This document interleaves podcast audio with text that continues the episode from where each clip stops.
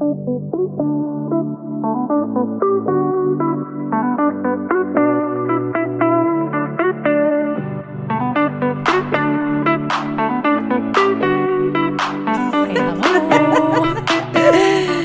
är tillbaka. Ja shit alltså, det känns som att det har gått för lång tid. Jag tycker att det känns som igår. Nej det tycker jag inte jag. Nej, men det känns ju alltid så när jag pratar med dig. Som att det vore igår. Men vi har ju en del att ta igen. Verkligen. Det är så mycket att jag knappt vet vart jag ska börja. Men jag har gjort en ordning på en lista på saker som jag har kommit på att gud, det här har de missat, det här har vi missat att prata om. Och jag tänker att jag snabbt bara ska refresha ditt minne också. Okej. Så vi ska först och främst catcha upp från föregående avsnittet, vilket är två veckor sedan. Jag blev ju dundersjuk. Ja. Vilket gjorde att jag kunde varken prata eller vara kapabel till att sitta i skärm. Och veckan efter fick vi livets bugg i vårt system, vilket gjorde att ni fick bara klara er utan oss. Så vi lite... Tråkigt. Ja, jävla tråkigt. Vi ska prata om hur det gick för handläggaren och mig, om jag blev så arg. Om jag blev ledsen och hur det gick. Vi ska prata om hur det går med din stalker. Vi ska prata om att jag har överraskat dig i Stockholm utan att du visste om det. Vi ska prata om att jag har träffat min mormor för kanske sista gången, vilket känns lite läskigt. Vi ska inte börja gråta redan Lilly, det är onödigt. Nej. Nej. Vi ska prata om att jag har grovstukat foten. Vi ska prata om att True Love äntligen är över. Ja. Och en halv miljon kronor rikare. Yes bitch. Och vi ska även prata om hur smalhetsen som går just nu och hur mycket det triggar på nätet. Ja det var en jävla massa ämnen. Vi får se om vi hinner med alla.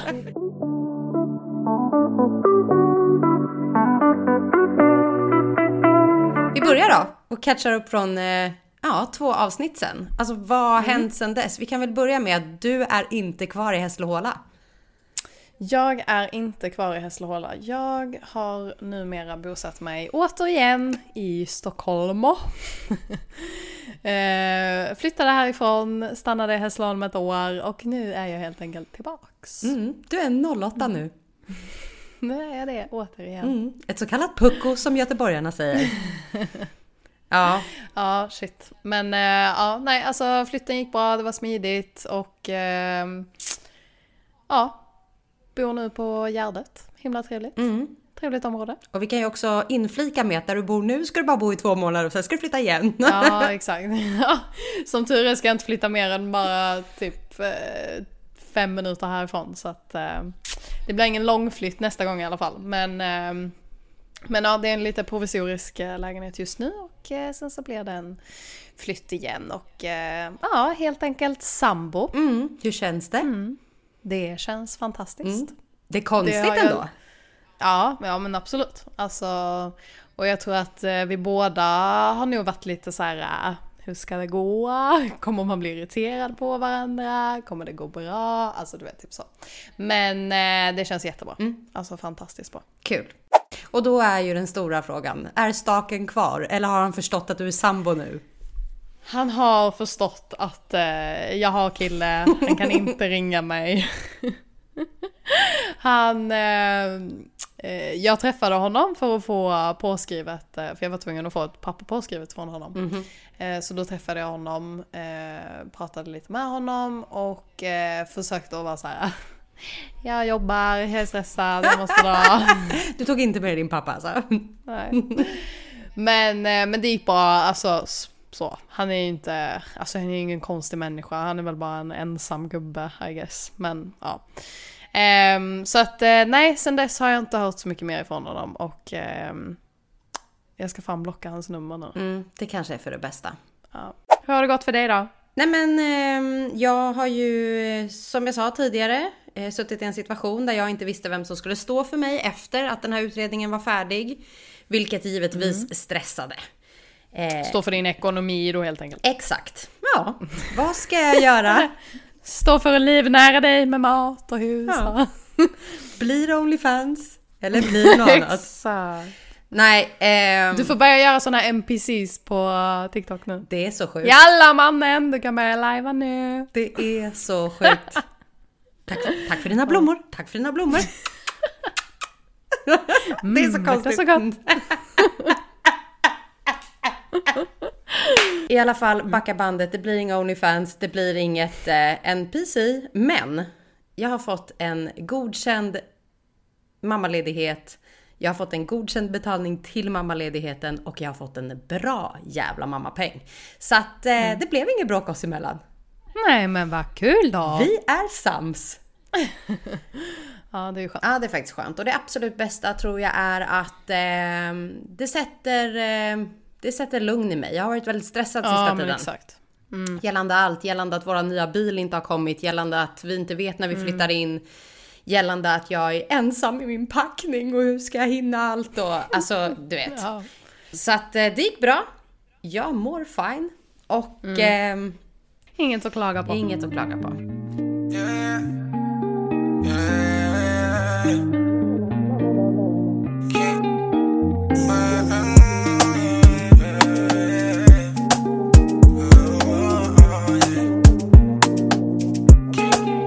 I say I put in ten toes, now I don't blow. If that chick bad, I go carry her. My neck is cold, I don't condone no bad energies around here. Yeah. Got a whole lot of vibes and a whole lot of bad girls and a whole Du flyttade till Stockholm. Wine. Och som alla våra lyssnare vet, och även du, så är jag världens sämsta kompis. Kommer aldrig att hälsa på mig. Så jävla dålig. Är det är faktiskt riktigt dåligt av mig. Men det var någonting när vi hade vårt sista samtal två dagar innan du skulle åka som gjorde att jag fick ont i mitt bästishjärta av att så här. Jag såg på dig att du var stressad. Det var mycket. Det är klart det är mycket känslor som du säger att så här. Gud, jag ska flytta ihop med någon jag knappt känner och det är liksom allt är nytt och jag gör samma resa igen. Och jag är inte där. Så att minuten efter att vi hade lagt på bokade jag faktiskt den sista minuten till Stockholm. Där jag sammanstrålade med din nuvarande. Utan din vetskap. Ja, nej jag hade noll, noll clue. Och om vi ska vara helt ärliga så är ju jag sämst på att överraska dig. Ja, eller alltså... Ja. Alltså de gånger du har gjort det har du väl lyckats? Då har jag lyckats. Så att eh, ja, det blev väldigt spontant och det har varit väldigt eh, kul för att du är ju verkligen den sista personen som håller koll på kartor som jag gör. Ja. Ja, alltså ja, vad fan. Du, alltså ja, du är ju inne och kollar vad fan folk är 24-7 medan en annan bara... Nej. Ja men jag, jag, jag, har, jag har koll på dig och Pagge, det är faktiskt det jag har koll på. Eh, och kände någonstans att även om du är en person som absolut inte har koll på vad jag gör och vart jag är, så kommer jag att stänga av den i tid. Så två dagar innan jag åkte stängde jag av den. Jag var inte det minsta orolig för att jag skulle försäga mig på vägen till Stockholm. Men samtidigt, det är så fruktansvärt lätt hänt att jag råkar lägga upp någonting. som gör att du har stenkoll på mig. Jag kommer till Stockholm, så himla fint. Min mamma står på stationen, hon möter mig för att jag är höggravid, är livrädd för att befinna mig i Stockholm. Så sent på kvällen, vill inte åka taxi. Eh, och känner bara att låt det bli morgondag. För Lilly kommer att dö. Så jag spenderade hela morgondagen med mamma tills din nuvarande då eh, hämtade upp mig. Vad sa han? Alltså han bara, för att grejen var att vi skulle ju åka, vi skulle åka någonstans. Ja just det ja, mm, exakt vi skulle åka och träffa Elias. Um, ja och um, nej så att han säger till mig, han bara, han bara du men eh, jag ska bara åka och hämta mina ehm, eh, fotbollsskor, jag har, eller träningsskor, jag har lämnat dem hemma hos eh, en av hans kompisar. Så jag bara, men alltså det är ju jätteonödigt. Jag bara, vi ska ju köra in till stan snart. Då kan vi ju bara köra förbi och hämta dem. Han bara, ja, ja, men alltså, ja, men jag, ja, men jag tänkte jag hämtar dem nu ändå. Så jag bara, ja, ja, okej, gör du det då? Och där stod jag, mitt i Odenplan. In kommer Mister, hämta mig. Och jag tror inte att han förstår, alltså så här, han vet att vi är nära. Men jag tror inte att han förstår hur pass nära vi är. För att han har ju aldrig umgåtts med oss på det sättet. Så. Nej. Så vi kliver in i eran port, varpå jag frågar honom, vart är du någonstans? Alltså i lägenheten. För jag har ju aldrig varit där, jag vet inte hur det ser ut.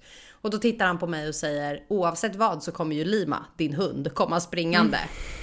Så då tänker jag att jag flyttar mig till vänster om dörren så att Lima springer raka vägen till honom då. Uh-huh. Och när han öppnar dörren Då står jag där helt nyvaken. Av alla platser i hela lägenheten så står du med en skohylla. Jag står alltså precis vid dörren. Alltså du är precis vid dörren. Ja. Och på den här filmen som har tagits så tittar du på honom som Ah, att så här. Hej, varför Hallå?" filmar du mig? Ja för allt jag ser är liksom honom och en kamera och jag tänkte vad fan håller du på med? och så tog jag ett kliv till höger och då Mm. fick du ju världens chock. Det, Ja jag var verkligen inte beredd på det alltså. det var ju faktiskt nio veckor sedan vi sågs då. Ja. Vilket är väldigt långt. Så att det blev mycket tårar, du blev superchockad och det var så himla viktigt för mig bara att få vara där när det var liksom en så stor del av ditt liv. För det är det ju, även om du är tillbaka i en trygg stad så är du ju på ett nytt kapitel i livet som är ganska oklart fortfarande liksom vad som händer och inte, hur bra det än känns. Så att eh, mission completed. ja verkligen alltså mer chockad hade jag nog inte kunnat bli. Nej. Så nu kan vi säga att jag hälsar på dig en gång i alla fall. Ja exakt. Du får en poäng. Men det var den sista för i år. Ja, exakt. Morgondagen därpå så åkte jag faktiskt till min mormor som börjar bli otroligt, otroligt gammal. Jag kände någonstans att när jag var där så behövde jag få henne att känna Livia tror jag. Eftersom hon är så gammal nu och så dålig att man vet faktiskt inte hur länge man får ha kvar dem. Nej. Och hon kände inte igen mig först alls. Hon bara log. Jag var liksom en främling. Eh, tills att det landade lite i att så här, jaha, okej, när mamma förklarade. Och vi fikade och vi hade en jättemysig stund. Och precis innan vi ska gå så vaknar faktiskt Livia i magen. Det är väldigt svårt att få liksom en bebis att eh, Om man röra på sig precis när man Ja vill. men precis. Och jag vill inte så här kasta mig över henne och bara här, känn på min mage. Och plötsligt säger mormor, det kryper under handen. Ja så gulligt. Nu börjar jag gråta igen. Nu har vi varit borta för länge. Att det känns så himla fint att om det nu var sista gången jag såg Ja, henne. Att hon faktiskt fick eh, ta del av det liksom. För jag har ju skickat bilder och jag har varit jättenoga med att dela min graviditet över vykort så. Eh, så att jag känner att den här helgen gav mig så himla mycket. Eh, och är det så att mormor skulle liksom somna in innan vi kommer tillbaka nästa år, år vilket det förmodligen blir. Så känner jag att jag hade en så fin stund med henne. Att hon kom ihåg mig, att hon visste att det var hennes barn, barns barn. Och att, eh, nej men att jag hann det. Just för att jag är så dålig på att prioritera. på att hälsa på folk liksom. Jo, ja men jag fattar. Ja men det är det är skönt att du ändå fick den stunden liksom. Mm. Det var ändå länge sedan också. Alltså vi har ju ändå sett någon gång liksom men du har ju inte varit i Stockholm på jävligt länge. Jag har inte träffat mormor på nio månader. Och dig på Nej, nio veckor. Så att det var jätte, jätteviktigt och jättefint. Och det är verkligen en, en påminnelse till alla er som lyssnar att igen, ring dem ni älskar. Även om det är liksom ett ont om tid att åka och hälsa på så försök verkligen ta den tiden. För man ångrar sig så mycket om man inte hinner med det som där och då kommer ja, men bita en i rumpan av att fan varför åkte jag inte bara? Nej men exakt. För det har ju hänt. Dagen efter så skulle jag hänga med dig. Ja. Det gick inte som planerat. Det gick inte som planerat. Hela min söndag hade jag lagt åt dig. Vi skulle umgås, det skulle vara noll mobiler, bara vara vi. Och vi bestämmer oss för att vi börjar med en lång promenad, hela familjen. För att min syster har hund, eh, du hade Lima och eh, det var superväder. Och när vi hade gått den här promenaden så skulle jag lämna hemmet, följa med dig och vi skulle bara äta gott, umgås och ha bästisäng. Det tar fem minuter. Ja. Det tog fem minuter. Ja, alltså det var inte länge. Men det var inte heller som att det var någon som var chockad. Nej, det är ju det. Jag faller alltså handlöst på våran promenad och grovstukar min fot. Och det första jag hör är dig skratta. När du märker att jag ändå är okej. Ja. Och liksom så här, jag är ju faktiskt inte förvånad att det här händer. Jag var till en början livrädd för jag förstod Mm, inte om jag landade på magen och jag förstod inte vad som hände. Jag bara kände att min fot gör så fruktansvärt ont. Mm. Eh, och folk springer ju fram till mig som att jag liksom Mm, vore en porslinsdocka för att folk ser att jag är gravid. Ja men det var ju också för att du började gråta direkt också. Ja men precis. Och jag märker också att jag tappar luften. För att jag blir så stressad över Landade jag på magen? Landade jag på magen? Och så hör jag Nadja säga Du var så otroligt snabb, alltså du slängde dig på sidan så du behöver inte oroa dig. Nej. Så det var ju bara för mig att vända om. Och ni fortsatte eran promenad och jag bara grät och grät och grät och sa det är så typiskt, nu kan jag inte hänga med Lilly. Alltså nu är jag bara arg på att liksom har jag skadat henne? Man ville bara känna rörelse i magen och allting. Men vi spenderade hela dagen hemma hos mamma ändå. Ja. Men det blev inte som tänkt. Vet du vad, jag hörde någon här hemma som gav ett tips. Och tipset var eh, doppa foten i först jättekallt vatten och sen jättevarmt vatten. Det ska tydligen hjälpa. Aj. Då ska jag fylla min balja med jättevarmt vatten och jättekallt vatten. Jag har ju inte bara en grovstukad fot. Vi har ju även någon i podden som har blivit en halv miljon kronor rikare Det har vi. och vinnare av årets True Love. Ja. Vinnare av kärlek så att säga. Ja. Ska vi prata? Ja, shit alltså. Nej men det kändes ganska sjukt att eh, det var sista avsnittet nu. Ehm, och eh, ja, alltså Ett det år! var ju en del. Ja, det har ju gått ett år ja. Så att man har ju liksom... Alltså någonstans här såklart hade det, hade det kommit ut och liksom släppts i samband med att man liksom ändå, ja men någon månad efter, då hade man ju ändå känt den här hypen lite kanske. Men eh, så som det känns nu så är det så här, det har gått ett år, alltså du vet man har ju typ hunnit glömma skiten typ. Ehm, Positiv. Hon bara en halv miljon rikare och... Jag har glömt bort det. Nej men, eh, nej men jag har sett, alltså, nej men bara grejen av att så här, alltså man känner ju inte sig själv lika liksom excited kanske som man gjorde då liksom. Det är väl mer den grejen. Men eh, det är klart att det var, alltså det var en sjuk eh, upplevelse och jag är ju jättetacksam liksom att jag vann. Ehm, Det förstår jag. och- ja. Och eh, ja, det var ju en del nya ansikten som dök upp på min Instagram också och eh, hade mycket frågor om vad som hände och hur det gick. Och, ja. Alltså kortfattat så har det ju verkligen gått ett år. Vi har verkligen behövt hålla på den här nyheten att du faktiskt har vunnit också. Vilket, det har inte varit svårt, det har det inte. Men det är väldigt, väldigt skönt att det är klart. För nu känner man ju verkligen att nu kan vi prata om det, du kan vara dig själv exakt. och vi kan faktiskt börja jobba på riktigt. För vi har ju ändå haft en plan om när programmet är över så behöver vi inte ha den tystnadsplikten som vi har behövt ha fram till nu. Nej. Nej men exakt. Och som du sa redan från början av att hur lång tid det än tog för dig och det här programmet att släppas och bli klart. Så kände ju du dig ändå ganska nöjd över att du hade vunnit. För att för dig i slutet av dagen så var det ändå värt det. Ja men absolut. Alltså jag ångrar ju inte att jag eh, alltså har varit med liksom. Nej. Verkligen inte.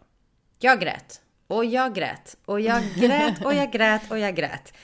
Ja. Det var så fint. Ja. För det var det faktiskt. Mm. Ja men alltså det kan man inte säga någonting om. Nej. Och det är ju verkligen mycket frågor nu. Och jag tänker att vi kommer givetvis eh, gå live både på TikTok och även på Instagram och eh, prata om, inte true love-grejerna, utan mer allmänt bara eh, framöver. Men du har ju fått extremt mycket frågor om läget idag. Och jag tänker att Mm. varför inte bara droppa bomben här också? Ja, ja men exakt. Ehm, nej men alltså den stora frågan var ju såklart liksom, är du och David fortfarande tillsammans? Och eh, om ni inte är det, vad har hänt? Och så vidare. Och eh, svaret på den stora frågan är nej. Vi är inte tillsammans idag. Nej. Ehm, vi slutade ju prata ganska så snabbt efter att eh, vi kom ut ur huset. Och ehm, så som jag också skrev på min eh, Instagram så, ehm, ja, alltså det finns egentligen ingen liksom specifik anledning. Det är inte så att vi har bråkat om någonting eller att vi liksom, ja, alltså att det var någon speciell situation som uppstod liksom. Utan Det var ju eh, inga det var oäkta känslor i huset heller. Nej, absolut inte. Nej. Ehm, Du var ju men, villig eh, att försöka när ni kom hem. Ja.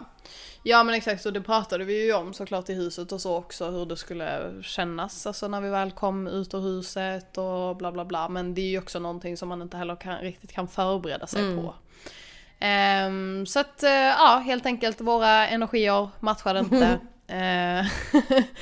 Eh, och eh, vi valde helt enkelt att sluta prata. Mm. Ehm, så att vi är inte ovänner men jag skulle väl inte vilja säga att vi är vänner. Nej. Nej. Så då har ni svar på den frågan. Det var svaret på den frågan. Mm. Och då tänker jag, de undrar ju också, vad har du tänkt att göra med din halva miljon? Eller har du sprängt den? Ja. Ja. Nej men tanken är väl att, alltså min tanke har ju varit bara att spara på de pengarna liksom tills jag vet vad jag känner att jag vill göra med dem liksom. Mm. Ehm, så jag har ingen specifik plan. Ehm, köpa lägenhet har väl känts som att det är det man kanske skulle vilja göra men samtidigt så känner jag att köpa lägenhet är inte riktigt kanske optimalt för mig att göra för att jag inte heller riktigt vet vart jag vill bo eller var jag vill vara och så vidare. Och då känner jag helt enkelt att så här, jag pallar inte ha, riktigt ha det jobbet med att så här, ja men ha en lägenhet och så ska jag då i så fall hyra ut den för att jag kommer inte bo där själv och sen om man ska sälja och du vet hålla på. Och då ja känner jag att de pengarna får ligga där tills jag vet vad jag ska göra med dem enkelt. Du gjorde ju faktiskt en jättesmart grej och betala av liksom allt så att du var nollad. Ja men exakt, så att eh, om jag hade någon, alltså jag hade ju lånat lite pengar av mina eh, föräldrar så det betalade jag ju tillbaks och sådär. Så att det var ju faktiskt jätte, jätteskönt. Att någonstans har ju programmet gett dig en, en ny start att bara få börja på noll. Ja men exakt. Så att eh, ja, så får vi se hur mycket pengar som går till Asos eller annat framöver. Ja exakt. De kommande veckorna för påsar av shopping, det är det alltid hos dig.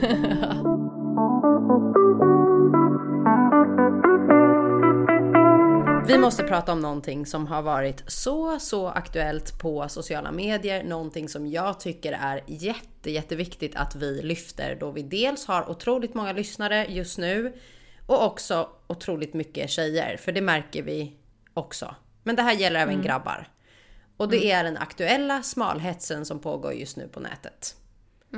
Vad tycker du? Har du liksom ens funderat på det? Alltså jag skulle inte vilja säga att jag ens har märkt av grejen. Okej. Alltså jag har ju bara typ sett lite, alltså du vet att de obviously som vanligt har gått på typ Bianca om att så här, hon och typ Lovisa. Att de är smalhets typ. Eh, för det var någon eh, specifik bild som Lovisa la ut va, som det blev en liten grej om liksom. Ehm, men helt ärligt, jag har inte jättemycket så här äh, insikt i det och jag har, alltså jag personligen har inte känt att jag har eh, sett något specifikt på nätet mer än att jag såg den nyheten om själva Lovisas bild liksom. Men, och alltså, Du är ju inte heller en person som blir, vad jag vet, eh, påverkad av nej, ser alltså riktigt. inte riktigt, alltså såklart till en viss del liksom, men ehm, men inte på det sättet. Alltså inte så pass att jag känner att så här, "Ah, men gud jag ser bara smala pa-" Men ja, alltså jag vet inte. Men jag, nej jag känner väl inte att jag tar åt mig så pass mycket. Men om man bara ska prata om själva just den bilden som Lovisa la ut så Alltså jag fattar ju grejen av att så här. Det är kanske inte så smart att göra, alltså lägga ut en sån bild när man har så mycket följare och, och så un- unga människor liksom som följer en. Samtidigt någonstans så är det ju, alltså alltså du är ju fortfarande människa, du har väl ändå någonstans rätten att lägga ut vad fan du vill på nätet. Ehm, och jag känner att så här, någonstans så, alltså obviously så, eller vad fan vet jag, men hon är ju jävligt smal så att troligtvis så har hon ju någon typ av ätstörning. Men det är ju inte heller någonting som, jag tror inte att hon har gått ut och sagt det liksom, så det är egentligen ingenting vi vet om eller vad man nu ska säga. Ehm, och jag känner så här någonstans genom att rata hennes bild så går du ju, alltså du klankar ju ner på henne någonstans för att hon ser ut som hon gör. Och det kommer inte heller få henne att kanske vilja bli av heller med sin eh, ätstörning liksom. Det enda som kommer hända är ju att hon istället kommer eh, alltså gömma sig. Och kanske må ännu sämre, bli ännu smalare. Jag tror ju att det är det här som är det farliga. Vi har pratat om eh, lite liksom det här smalhets och sånt sen tidigare eller att ha bulimi så som jag har haft och hur mycket det kan påverka. Varför jag tyckte att det var så viktigt att vi tog upp den då är för det är ju som du säger, man har ju rättigheten att lägga upp precis vad man vill utan att någon egentligen ska ha en enda åsikt om det. Sen får man ju räkna med konsekvenserna. Och de här tjejerna har ju verkligen hamnat i en fas där allting hela tiden är bilder på deras kroppar. Och sen ifrågasätter de varför folk är så otroligt på dem gällande det. Och blir genuint ledsna av att folk är på dem. Och då ifrågasätter jag varför fortsätter man att posta eh, sig själv i underkläder, sig själv i bikini, sig själv i vinklar där de vet att folk kommer fortsätta att rata. Eh, Och samtidigt som du säger, vi har ju också ett val att inte följa. Mm. Vilket är en rekommendation till folk som lyssnar på oss att om det är någon som triggar dig, någon som får dig att tänka i andra banor, någon som får dig att känna att du vill äta mindre, träna mer, vara osund eller inte vara den du egentligen vill vara. Så skulle jag verkligen rekommendera direkt, bara avfölj. Ja men exakt. Eh, eller ta bort, man kan ju ta bort på Instagram och sånt att man inte ser inlägg och stories för att jag vet ju själv hur lätt det är att bli påverkad, framförallt nu som gravid. Det är otroligt vad folk jämför sig med varandra, vem som är... Jag får frågor än idag. Hur mycket jag har gått upp i vikt? Jag har ingen aning. Jag får frågor än idag om hur kommer det sig att du fortfarande är i din form som du var innan? Men alltså jag säger, varför bryr sig folk?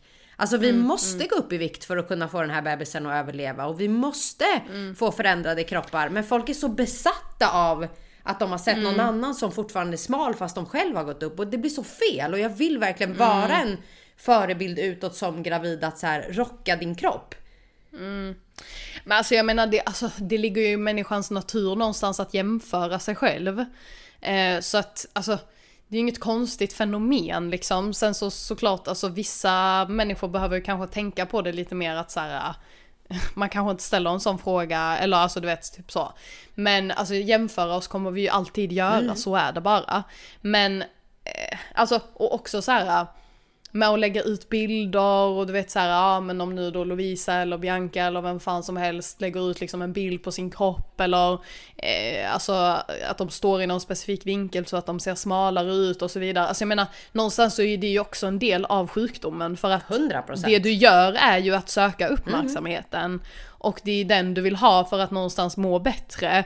Så att alltså Helt ärligt, jag tycker att det är fult att klanka ner på människorna som har den här sjukdomen och gör de här sakerna någonstans för att de mår dåligt. Alltså jag menar, det är inte jättesvårt att förstå.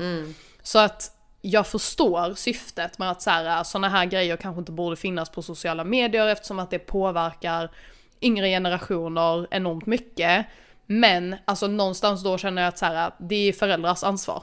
Att alltså då låt inte barnen ha de här apparna, alltså banna olika ämnen kanske ifrån, jag vet inte om man kan göra något visst typ av filter eller vad fan som helst.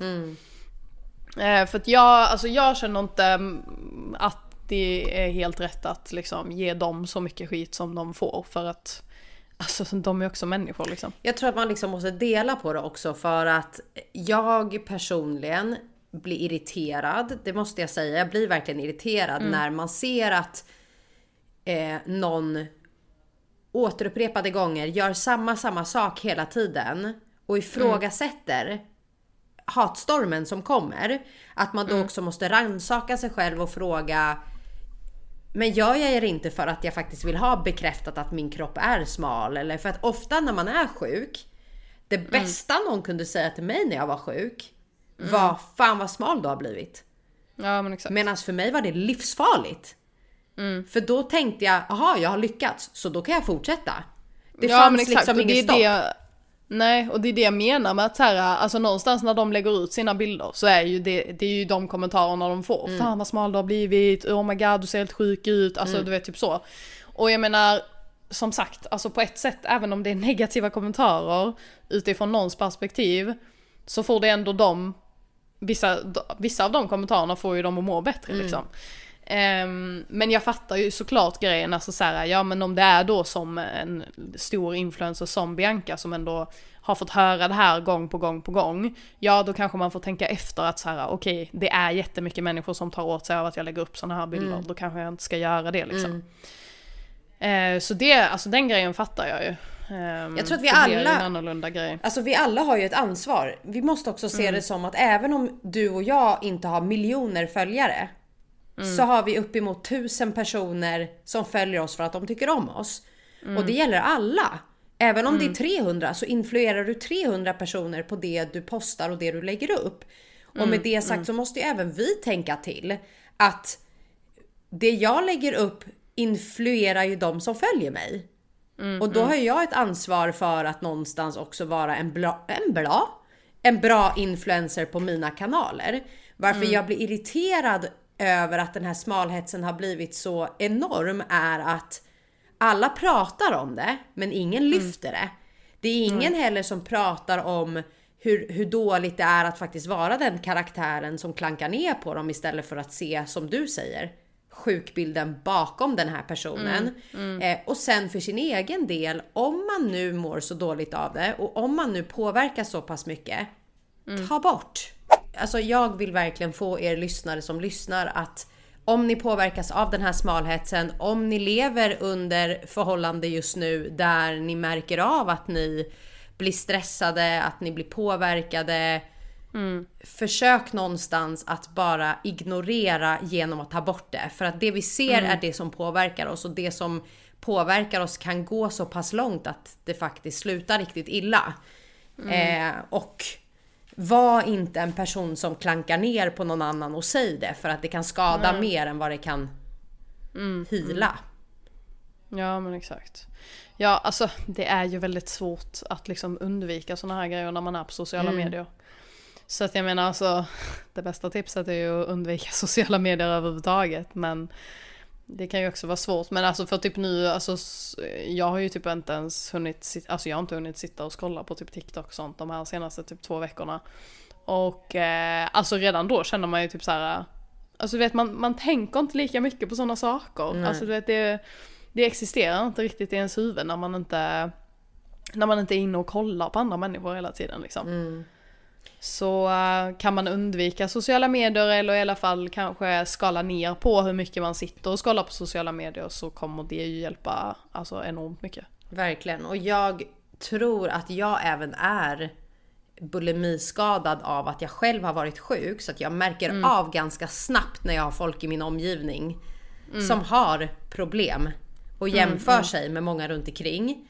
Eller har problem bara av att se bild eller bara av att se deras stories eller liksom deras vardag. Vilket för mig är jag vet att jag inte kan göra något genom att kommentera eller genom att säga någonting.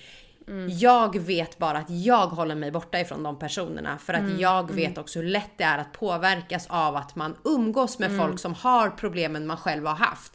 Även om man inte vågar erkänna dem för sig själv. Men jag, men jag tror också det är en sån här...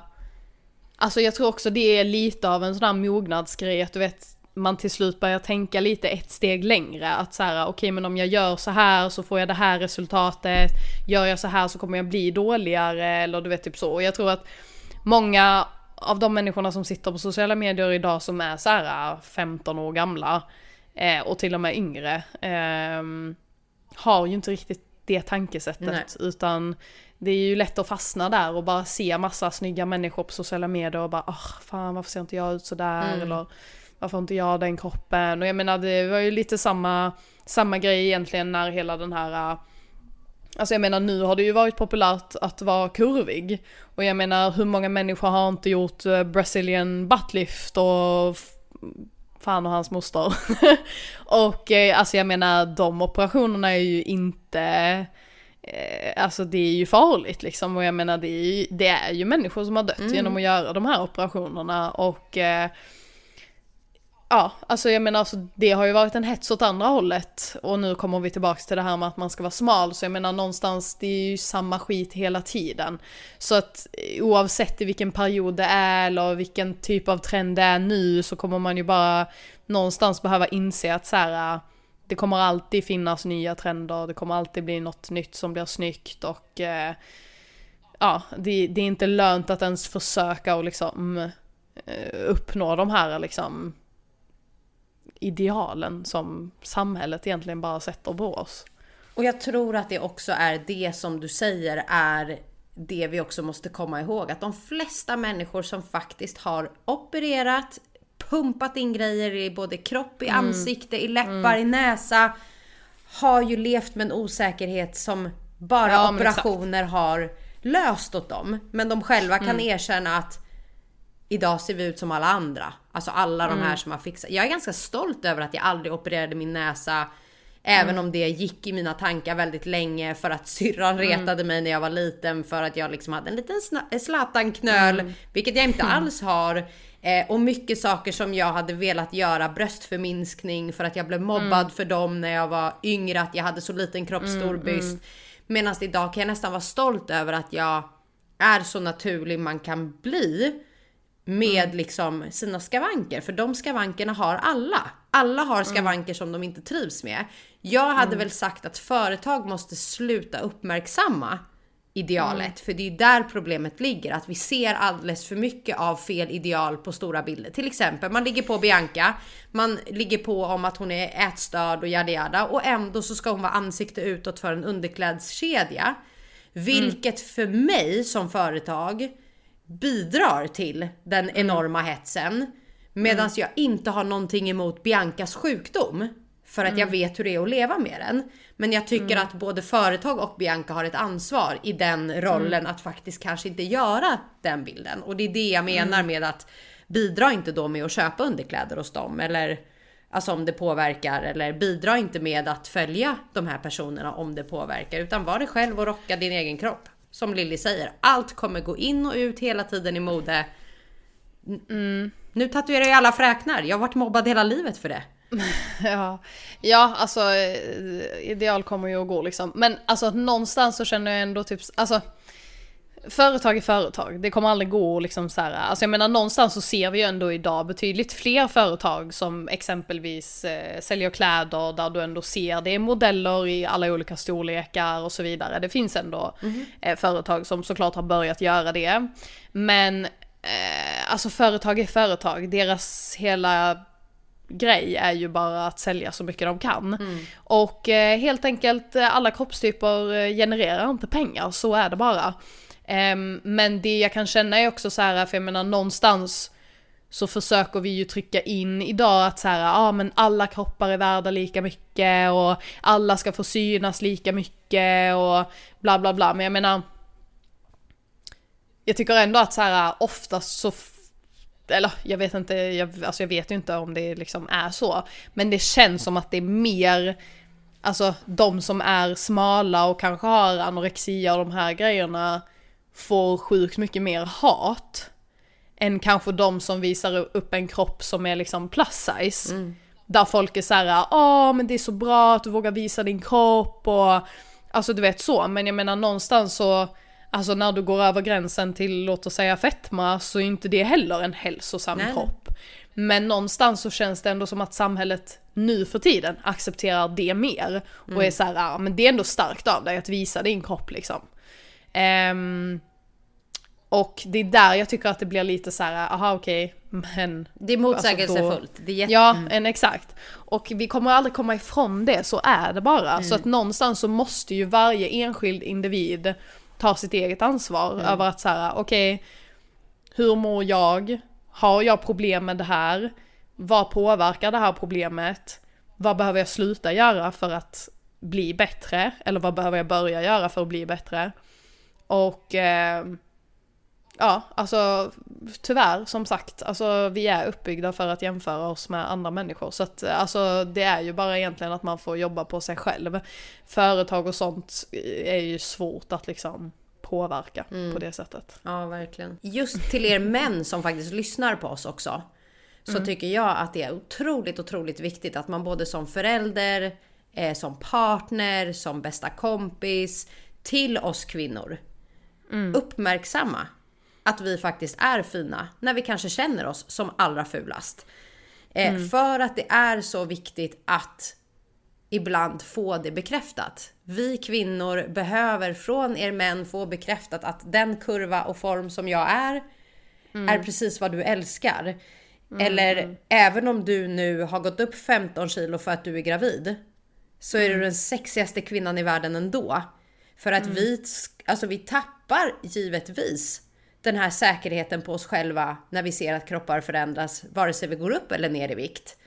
Mm. Eh, och jag tror även att det är lika viktigt för någon som går ner i vikt att få höra hur fin man är även där. För ibland kan man ju faktiskt gå ner mm. i vikt så som jag gjorde undermedvetet. Jag mm. rasade ju i vikt under att jag varit sjuk och alla bara du är så smal, du är så smal. Medan jag mådde jättedåligt av det. Det var liksom mm. ingen positiv punkt för mig överhuvudtaget. Ingenting satt.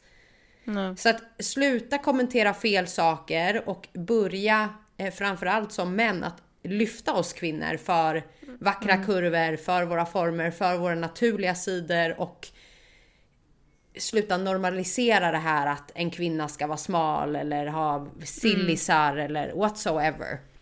Mm. För i slutet av dagen så är det fan det absolut viktigaste att bara vara vacker i sig själv, tror jag. Mm. Ja, alltså jag vill ju komma tillbaks till det här med att så här, du måste älska dig själv. Ja. För alltså så här, alltså det är klart att sådana grejer hjälper. Alltså har du bra människor runt dig som ändå liksom höjer dig och uh, får dig att må bra, då kommer du också må bättre. Um, men någonstans måste du komma till underfund själv med att så här, men jag duger. Jag ser bra ut. Jag behöver inte se på något annorlunda sätt ut. Och eh, ja, oavsett om jag går upp eller ner så kommer det duga liksom. Mm även om vi har pratat om tidigare hur dålig jag kanske har varit på att älska mig själv och älskat mm. andra mer än mig själv. Så mm. inser jag också hur mycket bra människor jag har runt omkring mig. Ja, som exakt. någonstans har gjort att jag är friskförklarad idag och att jag mm. inte har brytt mig om liksom min graviditetskurva. Jag har ingen aning om hur mm. mycket jag har gått upp. Alltså jag vet verkligen mm. inte, jag bryr mig inte. Eh, och att jag känner mig vacker för att ni får mig mm, att vara trygg i den jag är. Eh, mm. Vilket är väldigt svårt när man går igenom en sån pass stor utveckling av kroppen. Liksom. Mm. Eh, och mm. samtidigt att jag ser att jag har blivit mycket mer mogen av att det är för mig oviktigt. Så jävla mm. oväsentligt. Mm. Hörni, baka, var rädda om varandra, ät kardemummabullar, mm. ät kebabrullar. Ät så mycket ni önskar så länge du blir fucking mätt. Och rör på det också, för det är faktiskt viktigt. Ja, så träning är ju viktigt såklart, för mest för eh, hjärnans skull. Men eh, så att ja, alltså träning är ju också någonting man behöver uh, lägga tid på för att må ja, men bra i kropp och knopp. Balans! Exakt. Mm. Och titta framåt så ni inte grovstukar foten. Och en liten hint hint. Hint hint. Ska vi säga att du har gått och blivit fotbollsfruga? Oj.